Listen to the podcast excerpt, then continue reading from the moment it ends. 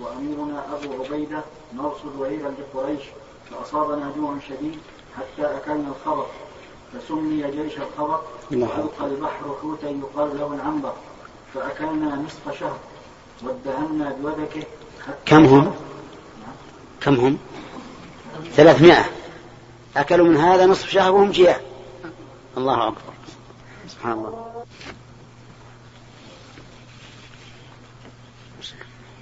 كمل.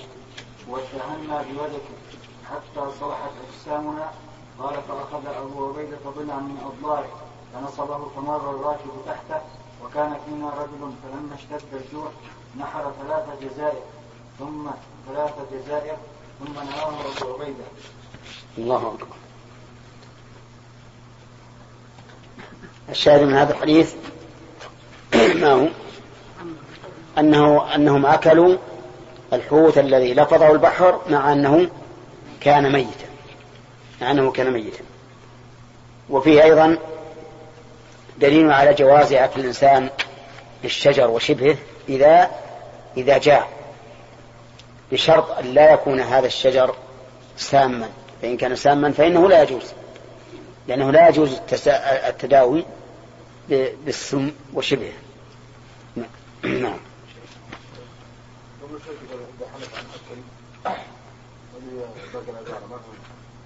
إذا حلف أنه ما يأكل شيء ثم خلط هذا الشيء بشيء آخر واستهلك ولم يظهر له أثر وأكل من هذا الشيء المخلوط فلا فلا شيء عليه. نعم عبد الله.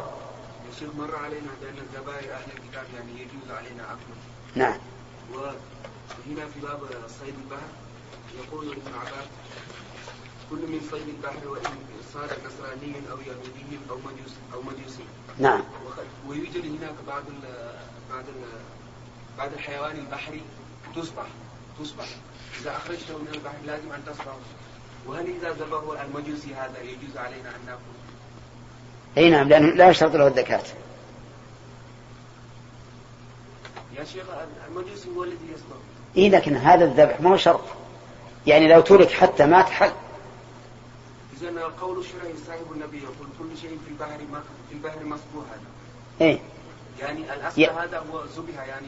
في لا لا يعني معناها أن كل شيء في البحر وإن مات فهو مثل المذبوح في منزلة المذبوح. لكن يا شيخ الحيوان هذا ليس بميت هو أخرجه حي و... اي نعم نعم. لو تركه حتى يموت وأكله حل. ما هو شرط أن, أن يذكيه. الذكاة شرط في حيوان البحر فقط البر. البر فقط. أما حيوان البحر فلا. ولهذا يصيدون السمك الآن نشوفهم يصيدونه بالشبكة ويضعونه على القارب. يبقى نعم. يبقى يلبط نعم. الضفدع الآن كما ترى يرون من, من صيد البحر. نعم حسين.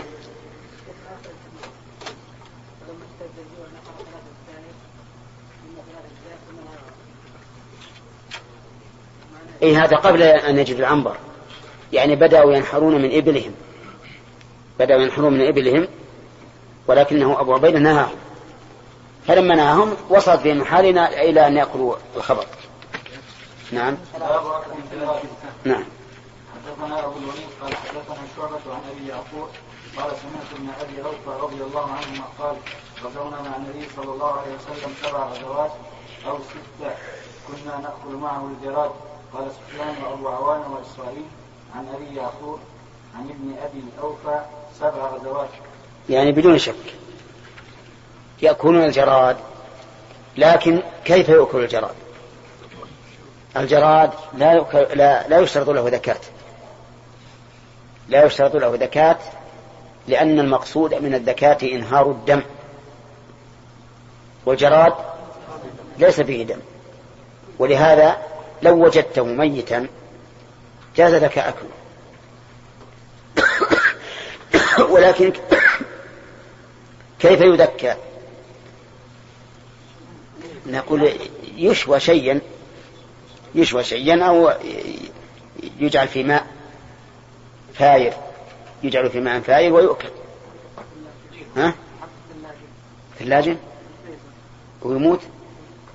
ما الحار التنور شيء. إيه. لا الثلاجة الظاهر انه إنه تؤلمه. تعذبه في الموت. الحار لكن في الماء الحار يعني يموت سريعا. ولا بد من ماء حار يغلي بقوة. ما تخليه في ماء حار يتعذب في الموت. أما مسألة الثلاجة والفريزر فالظاهر إنه يتأذب ها؟ لا قطع راسه ما هو بارد. وش تقطع رأسه؟ وش وش بياخذ إذا قطعت رأسه؟ ما في دم. لا لا لو تقطع رأسه ما مات. اقطع م- اليوم تجي باكر وهو يتحرك. ما يموت. ها؟ لا لا قصدي حتى ال- الأخ ال- محمد. مثلا كمية افرض إنها غير واردة مع انها واردة هي. لكن لو لو قطعت رأسه ما يموت ابدا يبقى. ما دام فيه لين ورطوبة فهو حي. لو ما لو ما له رأس.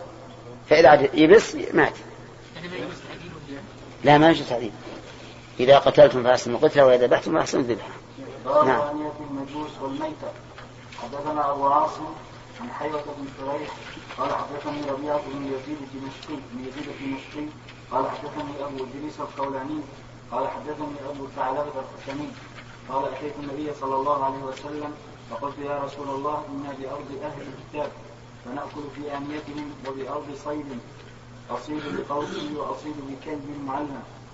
وبكلب الذي ليس بمعلم فقال النبي صلى الله عليه وسلم أما ما ذكرت أنك بأرض أهل الكتاب, أهل الكتاب فلا تأكلوا في أنيتهم إلا أن لا تجدوا بدا فإن لم تجدوا بدا فاغسلوها وكلوا فيها. وأما ما ذكرت أنكم بأرض صيد كما صدت بقوسك فاذكر اسم الله وكل وما صدت بكلبك المعلم فاذكر اسم الله وكل وما صدت بكلبك الذي ليس بمعلم فأدركت زكاته فكل حدثني المكي بن إبراهيم قال حدثني يزيد بن أبي عبيد عن سلامة بن الأكوع قال لما أمسوا يوم فتحوا خيبر اوقدوا النيران قال النبي صلى الله عليه وسلم على ما اوقدتم هذه النيران قالوا لحوم حمر. الانسيه قال اهريقوا ما فيها واكسروا قدورها. فقام رجل من القوم فقال نهريق ما فيها ونغسلها. فقال النبي صلى الله عليه وسلم أو ذاك الشاهد من هذا قوله ونغسلها فقال أو ذاك وفيه دليل على تحريم الحمر الإنسية ودليل على جواز التعزير وجواز التنازل عن التعزير. التعزير لأنه قال بالأول اكسروا الآن. ووجه كون هذا تعزيرا أن في كسرها إتلافا لها مع أنه يمكن تفادي هذه المفسدة بماذا؟ بالغسل ففيه دليل على جواز التعزير بإتلاف المال وهو الصحيح. إنه يجوز التعزير بإتلاف المال كما يجوز بالضرب والحبس وما أشبه ذلك. وفيه دليل أيضا على جواز الشفاعة في التعزير. بخلاف الحد. جواز الشفاعة في التعزير لأنه قيل أو نغسلها فقال أو اغسلوها أو قال أو ذاك. ولو كان حدا ما جازت الشفاعة فيه. ولهذا أنكر النبي عليه الصلاة والسلام على أسامة بن زيد لما شفع في المرأة المخزومية قال له أتشفع في حد من حدود الله؟ وروى أبو داود بإسناد حسن أن النبي صلى الله عليه وسلم قال من حالت شفاعته دون حد من حدود الله فقد ضاد الله في أمره. نعم. طيب وفي هذا دليل على أن الأواني إذا جعل فيها شيء نجس فإنها تغسل. وهذا وجه الشاهد من الحديث لقول المؤلف آنية المجوس لأن المجوس ممن لا تحل ذبيحتهم. فإذا طبخوا في الأواني صارت الأواني نجسة لأن ذبائحهم ميتة. فإذا كانت نجسة وجب أن تغسل وجوبا أن تغسل من أجل من أجل تطهيرها نعم. من اللي ما سأل أول؟ نعم. بالنسبة لباب الجراد ها؟ الجراد الأصل فيه. كتاب الأطعمة الشيخ عايد القرني. نعم. تكلم قال إن أكثر العلماء قالوا أن الأصل في الجراد أنه من البحر. نعم. ما عندهم إشكال. والله ما هو ما هو معلوم. بعض العلماء قال إنه من البحر إنه من من يتولد من الزبد. الذي يقذفه البحر. يتولد تولد مثل مثل ما يتولد الذباب وغيره. وبعضهم قال نخرة حوت.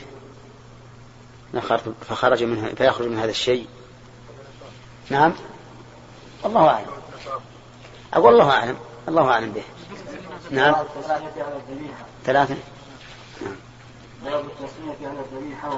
متعمدا اي صحيح. هذا أظن مروي عن كعب الحفار اي نعم. قال ابن عباس من من نسي فلا بأس وقال الله تعالى ولا تأكلوا إيش إيش؟ باب التسمية على الذبيحة نعم. ومن ترك متعمدا. قال ابن عباس من نسي فلا بأس وقال الله تعالى ولا تأكلوا مما لم يذكر اسم الله عليه وإنه لفسق والناس لا يحبون الله. فاسقا. وقوله وإن الشياطين لا يوحون إلى أوليائهم ليجادلوكم وإن أطعمتموهم وإن أطعتموهم. أطعتموه. وإن أطعتموهم إنكم لمشركون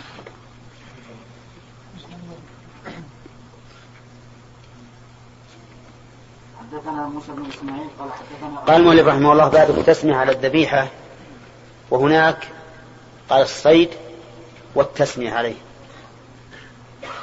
فظاهر صنيع المؤلف البخاري أنه يفرق بين الصيد وبين الذبيحة. وأنه يرى أن التسمية في الصيد لا تسقط سهوا ولا عمدا. وأما الذبيحة فتسقط سهوا. ولا شك أن التفريق ليس عليه دليل بل الدليل على خلافه هذا إذا إذا جئنا من حيث الدليل. أما من حيث القياس والنظر فإننا نقول إذا عذرنا في الذبيحة فإننا في الصيد أولى منا بالعذر. لأن الصيد يأتي على عجلة وارتباك وخوف من أن يفوت الصيد بخلاف الذبيحة. الذبيحة يذبحها الإنسان وهو متأني والذبيحة بين يديه ولا داعي للنسيان في الواقع. فنقول إذا كان الشارع لم يسقط التسمية نسيانا في الأشد والأعذر فعدم إسقاطها في الأهون والأدون عذرا من باب أولى. ولهذا كان القول الصحيح بلا شك أنها لا تسقط سهوا وهو اختيار شيخ الإسلام ابن تيمية. وإن كان ابن جرير رحمه الله ذكر إجماع العلماء على أنها تسقط سهوا في الذبيحة. ولكن ابن كثير رحمه الله تعقبه وقال هذا ليس بصحيح.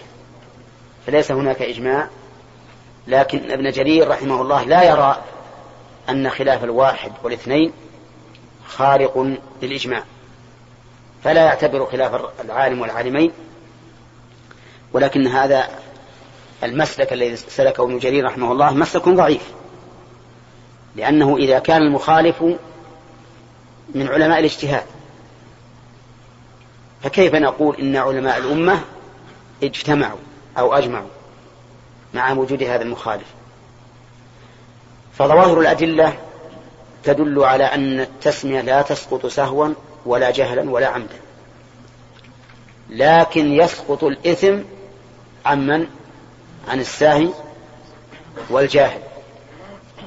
وسقوط الإثم لازم منه حل الذبيحة. والله عز وجل يقول لا تأكلوا مما لم يذكر اسم الله عليه. لا تأكلوا مما لم يذكر اسم الله عليه وهذا عام. الخطاب موجه للآكلين لا للمسمين.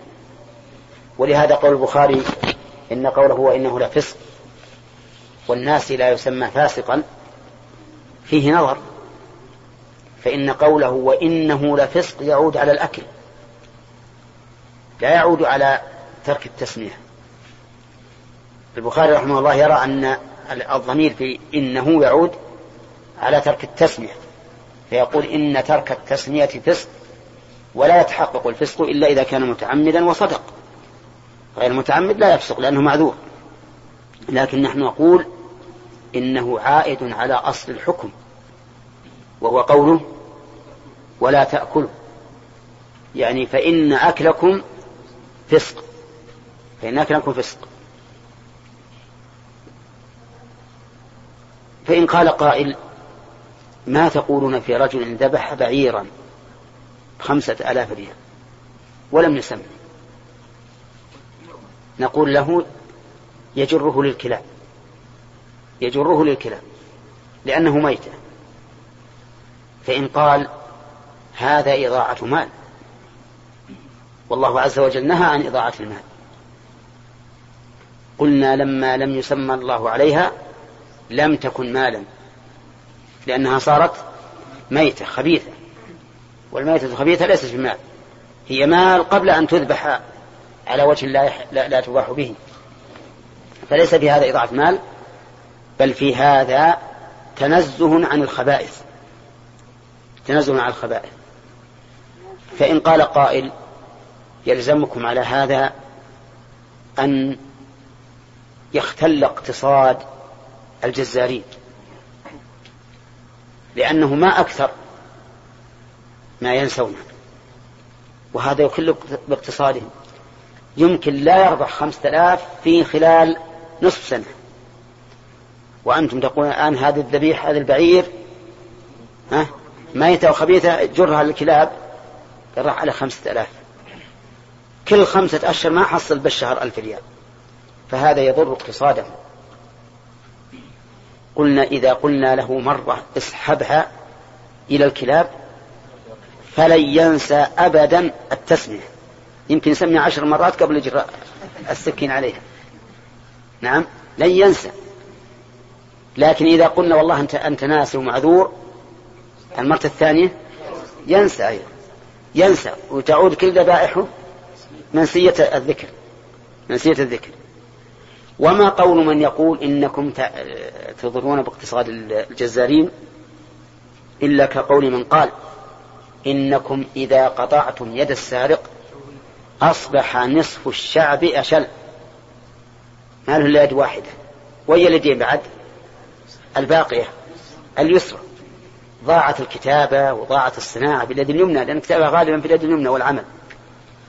نقول أن تقطع سارق مرة واحدة ونضمن لك أن ينتهي عن السرقة ألف سارق. وحينئذ يرتفع القطع عن الناس ولا لا؟ يرتفع القطع عن الناس ويرتفع السرقة. فهذه إيرادات إذا. كلما تأملها الإنسان وجدها في غاية الضعف. وكل إيراد يرد على حكم ثابت في الشرع فاعلم أنه متحطم لأنه يرد على إيش؟ على صخرة. وما هو إلا كما قال الشاعر كناطح صخرة يوما ليوهنها فلم يضرها وأوهى قرنه الوعد. الوعد تعرفونه؟ نوع من الضيب له قرون. جعل أتى على صخرة من الصخرات وغضب عليها. سقط منها مثلا وغضب عليها. فجعل ينطحها بقرونه وش اللي يصير؟ تكسر الصخر ولا قرون؟ القرون. ويمكن رأسه بعد. من وراء القرون. المهم أن كل شيء يورد على حكم شرعي صحيح يثبت بالأدلة فاعلم أنه متحطم ولكن يحتاج يحتاج إلى فهم. لأنه قد يورد على شخص قد يورد على شخص لا يستطيع التخلص. لا يستطيع التخلص فيقف حيران وحينئذ تعمل الشبهة عملها. وأنا الحقيقة استفدت مضمون هذا القول من كلام شيخ الإسلام رحمه الله في مقارعته لأهل البدع. مقارعته لأهل البدع ولغيرهم. ومر بي كلام للقاضي أظنه أبي بكر. كان عند أحد الملوك وعنده رجل من النصارى. عنده رجل من النصارى. هذا الرجل النصراني فكر وش يرمي هذه الشريعة بأي شيء. قال له النصراني ما تقول فيما قيل عن زوجة نبيكم؟ يعني عائشة. الإفك.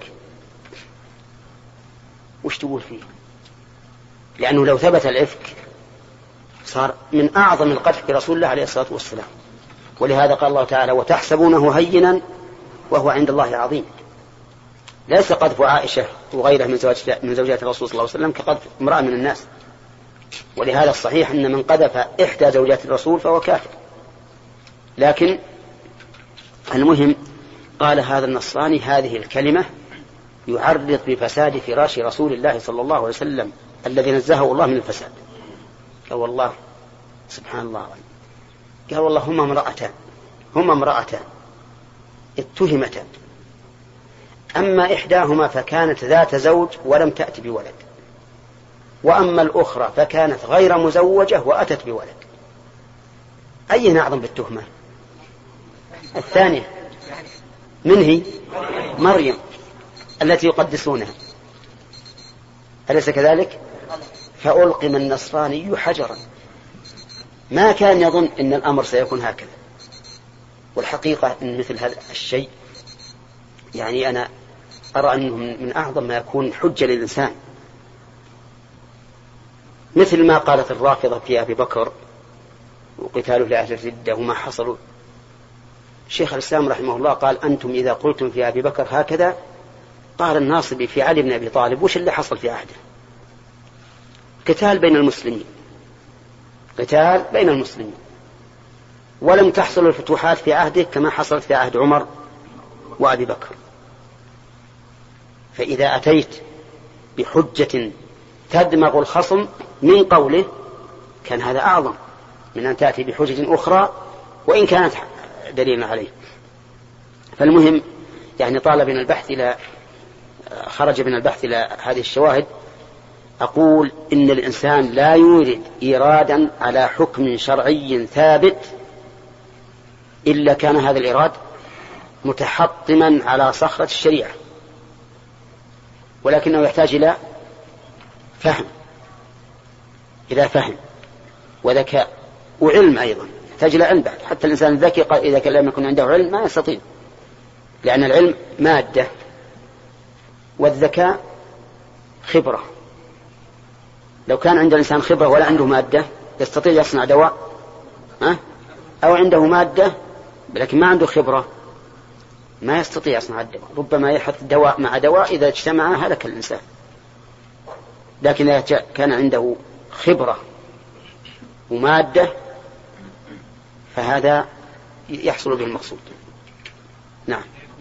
انتهى الوقت. طيب ثم قال و ولا تأكلوا مما لم يذكر اسم الله عليه وإنه لفسق. وإن الشياطين ليوحون إلى أوليائهم ليجادلوكم وإن أطعتموهم إنكم لمشركون. أولياء الشياطين من هم؟ الكفار. كل كافر فهو ولي للشيطان عدو للرحمن. من كان عدو لله وملائكته ورسله وجبريل وميكال فإن الله عدو للكافرين. فكل كافر فهو عدو لله ولي للشيطان. الشياطين يوحون إلى أوليائهم ليجادلوا ليجادلوا المسلمين. كيف يجادلونهم؟ يقولون كيف تحرمون الميتة وقد قتلها الله؟ وأنتم لا تحرمون ما, ما قتلتم. نعم. ولهذا قال الله تعالى وقالوا ما في بطون هذه الأنعام خالصة لذكورنا ومحرم على أزواجنا. وإن يكن ميتة فهم فيه شركاء. الذكور والإناث. نعم. فلهذا هم يقولون كيف تحرمون الميتة وقد قتلها الله؟ ولا تحرمون المذكات وقد قتلتموها أنتم. فيجادلون. يجادلون بالباطل. قال الله تعالى وإن أطعتموهم يعني في تحريم ما أحل الله إنكم لمشركون. أو في تحريم ما حرم الله إنكم لمشركون. نعم.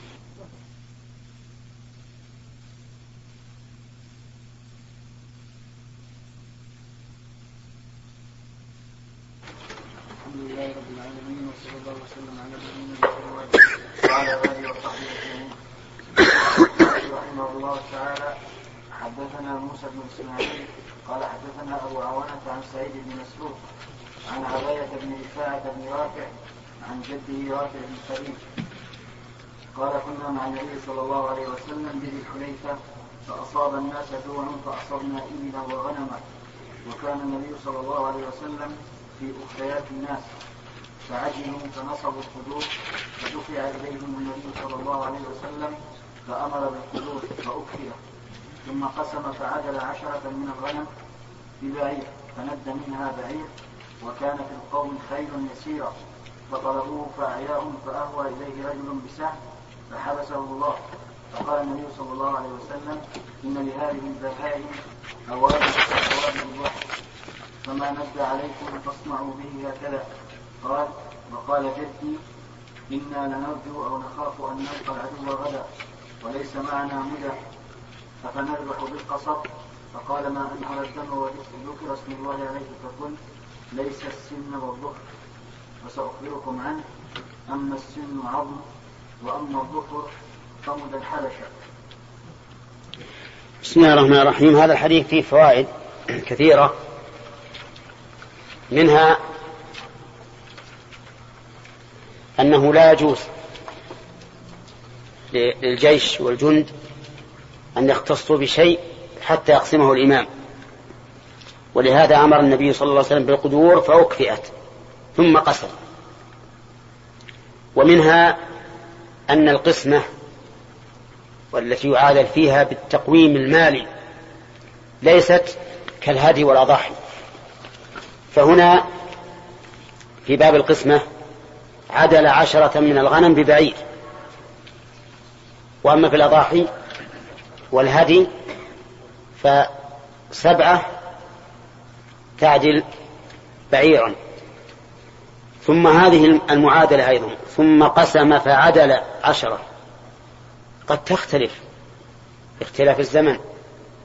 قد يكون في زمن تكون فيه الغنم غالية والإبل رخيصة. فيكون خمسا من من الغنم يعدل بعيرا. خمسة من الإبل تكون تعدل بعيرا. وقد يكون الأمر بالعكس فيكون بعير يساوي خمس عشرة أو عشرين. المهم أنه في باب القسمة أو أن باب القسمة ليس كباب الهدي والأضاحي. ومنها أيضا ومن فوائد هذا الحديث أن أن كل ما لا يقدر على ذبحه أو نحره فإنه يكون حكمه حكم الصيد.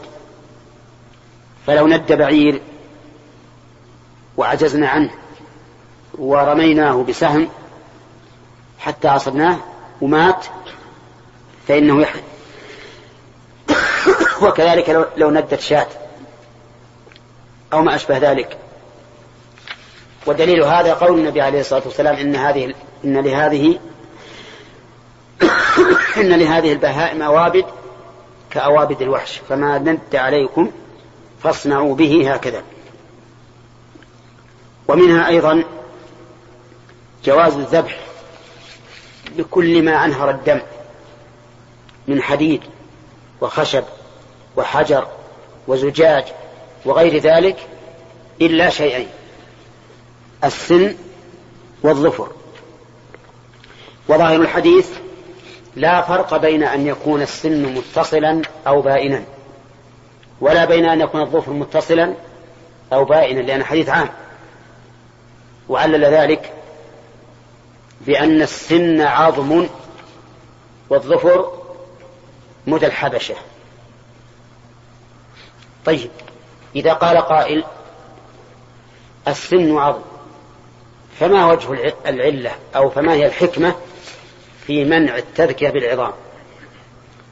قال العلماء الحكمة من ذلك إن خصصنا الحكم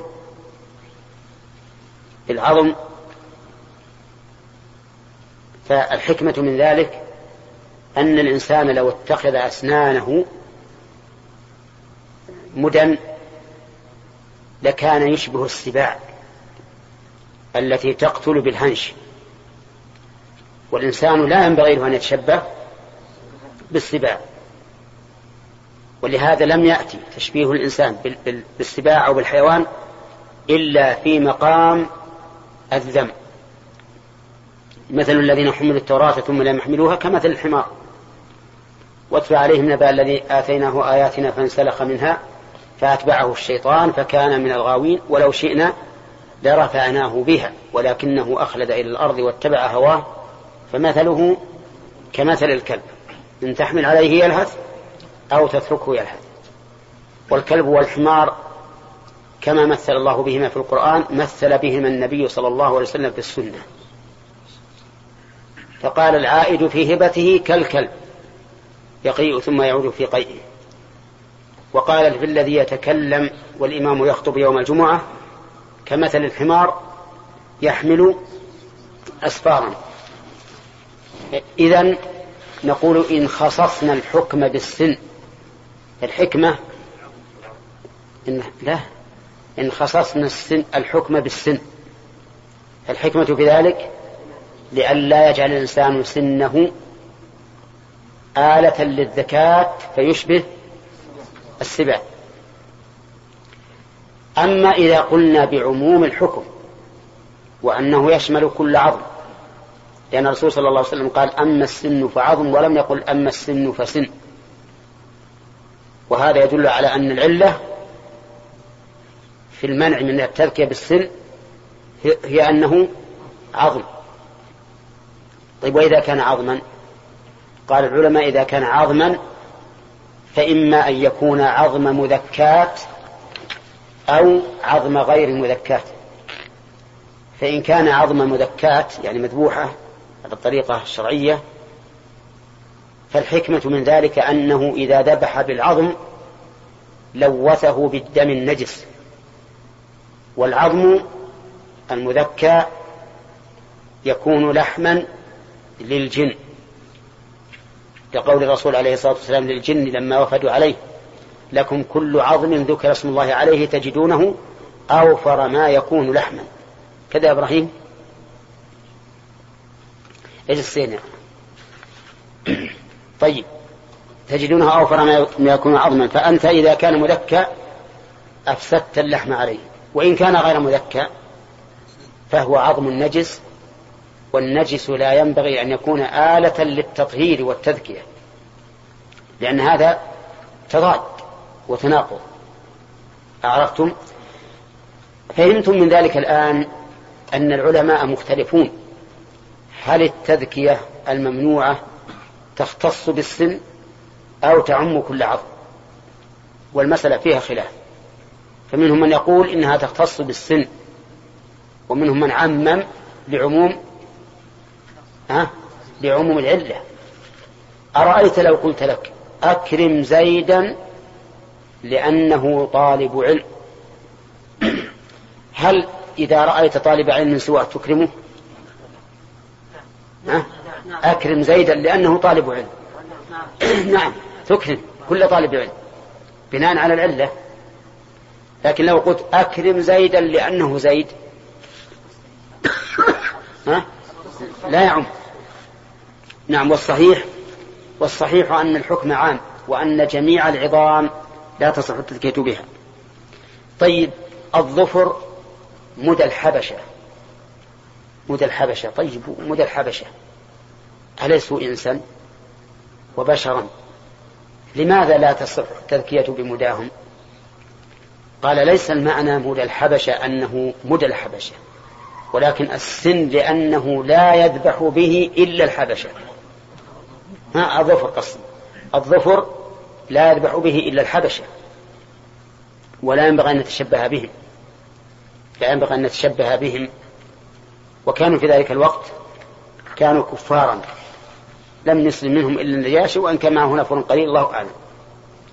فصار المعنى ليس المعنى أنه مداهم وأنهم لو اتخذوا سكاكين خاصة بهم من الحديد أو القصب فإننا لا نذكي بها بل المعنى أنه لا يتخذ الظفر مدى إلا الحبشة فلا ينبغي أن نتشبه بهم في ذلك. ولأننا لو أجزنا التذكية بالظفر لكان ذريعة إلى اتخاذ الناس أظفارا يجعلونها سكاكين مدى. يقول بدل ما أحمل السكين معي في المتاع وربما تشق المتاع أبقي الظفر. حتى يكون كالحربة والظفر كلما طال غلظ ودق حتى يكون كالحربة لو تبقر به بطن البقرة شقة فلذلك نهى الرسول عليه الصلاة والسلام آه، عن التذكية بهذا لهذا السبب. طيب. ثم قال عليه الصلاة والسلام وذكر ما أنهر الدم وذكر اسم الله عليه. فاشترط النبي عليه الصلاة والسلام شرطين. الشرط الأول إنهار الدم والشرط الثاني إيش؟ ذكر اسم الله. إنهار الدم هل اشترط النبي صلى الله عليه وسلم شرطا زائدا على إنهار الدم كقطع الحلقوم والمري مثلا؟ لا. الحديث ما فيه. اشتراط قطع الحلقوم والمري فيه إنهار الدم.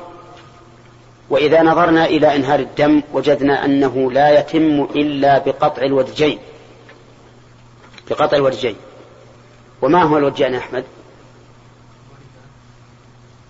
الوالدان. الوريدان. والوريدان أين هما؟ أين محلهما؟ في الإنسان وفي غير الإنسان.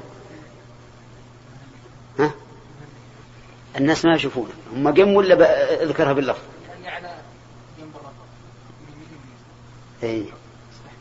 يعني العرقان المختلفان للحلقوم. كذا؟ عرقان غليظان مكتنفان للحلقوم محيطان به. هذان هما الورجان ولا يمكن إنهار الدم على وجه الكمال إلا بقطعهما. ولهذا روى أبو داود بسند فيه نظر أن الرسول صلى الله عليه وسلم نهى عن شريطة الشيطان وهي التي يقطع تذبح نعم وهي التي تذبح ولا تفرى أوداجها. وهي التي تذبح ولا تفرى أوداجها. يعني الودجين ومن ثم اختلف العلماء رحمهم الله فيما يجب قطعه في الرقبة. فقال بعض العلماء لا بد من قطع الحلقوم والمري وإن لم يقطع الودجان. وهذا هو المشهور من المذهب. وقال بعض العلماء لا بد من قطع الودجين وإن لم يقطع الحلقوم والمري. وهذا ظاهر السنة. وقال آخرون لا بد من قطع ثلاثة من الأربعة. وين الأربعة؟ عندنا ودجاء وحلقوم ومري. فإذا قطع الودجين والحلقوم أجزى وإن قطع الحلقوم والمريء وأحد الوجهين أجزى. وأظن فيه قولا رابعا وهو أنه لا بد من قطع الأربعة الحلقوم والمري والوجهين. ولا شك أن هذا هو أتم الذبح ولكن الكلام على المجزي. والذي يتبين لي من السنة أن الواجب قطع الودجين فقط. إذا كان الرسول صلى الله عليه وسلم اشترط لحل الأكل التسمية وقطع الودج وإنهار الدم فإنه يدل على أن اختلاف الشرط يختلف به الحكم. وإذا فات الشرط أو إذا انتفى الشرط انتفى المشروط. فلو أن إنسانا نسي نسي وخنق الشاة وسمى الله أتجزئ؟ لا نسي. الله يهدينا وإياكم. أين قول الله تعالى ربنا لا تؤاخذنا إن نسينا وأخطأنا؟ آه في الإثم المؤاخذة في الإثم. أما الصحة والفساد فهذا حكم وضعي. ما هو جزائي؟ إذا لو أن إنسان نسي وخنقها أو صعقها بكهرباء وماتت مع تسميته عليها فإنها لا لا تحل. طيب لو أنه قطع الوجين والحلقوم والمري ونسي أن يذكر اسم الله أيضا لا تحل لأن لأن النبي عليه الصلاة والسلام جعل هذا مثل هذا ما أنهر الدم وذكر اسم الله عليه فكل طيب لو أن إنسانا اصطاد عصفورا اصطاد عصفورا وبقره بظفره وأبان رأسه هل يحل؟ ليش؟ عصفور ها؟ نقول ليس السن والظفر. السن والظفر. وكانوا يعني الصغار إذا اصطادوا عصفورا ويصطادونه أيضا بالنباط التي تشبه الخذف. ورآه حيا لا يمكنهم لا يمكنه أن يبقى حتى يصلوا إلى البيت. بقره بظفره حتى يبين رأسه. أو قطعه بسنه. بسنه حتى يبين رأسه. وكأن الأخ حجاج يشير إلى أنه يمغط رأسه حتى يبين. نعم. ما أدري عاد هذا تستعمل ولا لا. ها؟ تستعمل أيضا؟ إيه.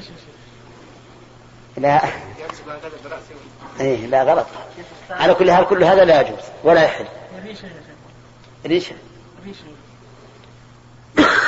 كيف ريشة؟ ريشة ريشة؟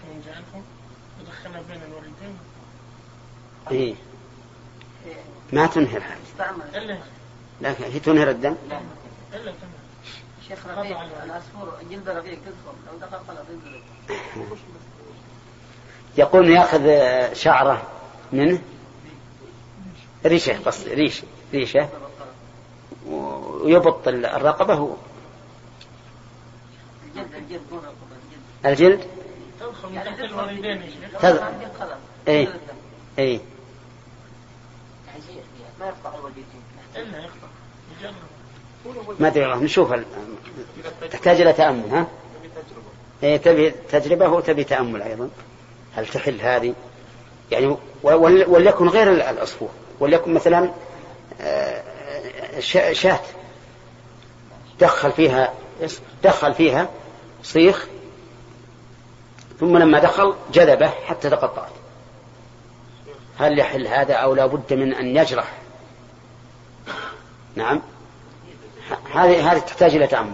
نشوفها إن شاء الله تعالى. بعد ما أتملها أحكم عليه طيب وفي هذا الحديث فائدة وهي أن أنه ينبغي تعليل الأحكام لا سيما التي تخفى حكمتها. لأن الرسول صلى الله عليه وسلم قال سأخبركم عن ذلك. إلى آخره. أما السن فعظم. طيب. وهنا عندنا إشكال في ليس السن والعظم ليس الظفر والسن. اللي عندي اللي عندي يقول ليس و... ليس الظفر والسن. يمكن لفظ آخر إي نعم هذا لفظ آخر طيب ليس السن والعظم ليس السن والظفر. لماذا نصبنا السن يا مصطفى؟ لماذا نصب السن؟ ها؟ مستثنى صح؟ نعم. نعم. خبر ليش إيه. وش تقولون؟ ها؟ اي والمعروف إن هذا على الاستثناء منصوب على الاستثناء. ولهذا اسم ليس هنا مستتر وجوبا ما يمكن يحضر ما يمكن يعني يظهر ابدا. لتكون كأنها صيغه استثناء. نعم.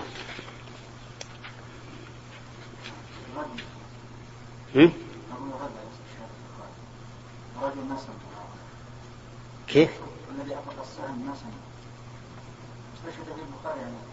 كيف؟ نعم.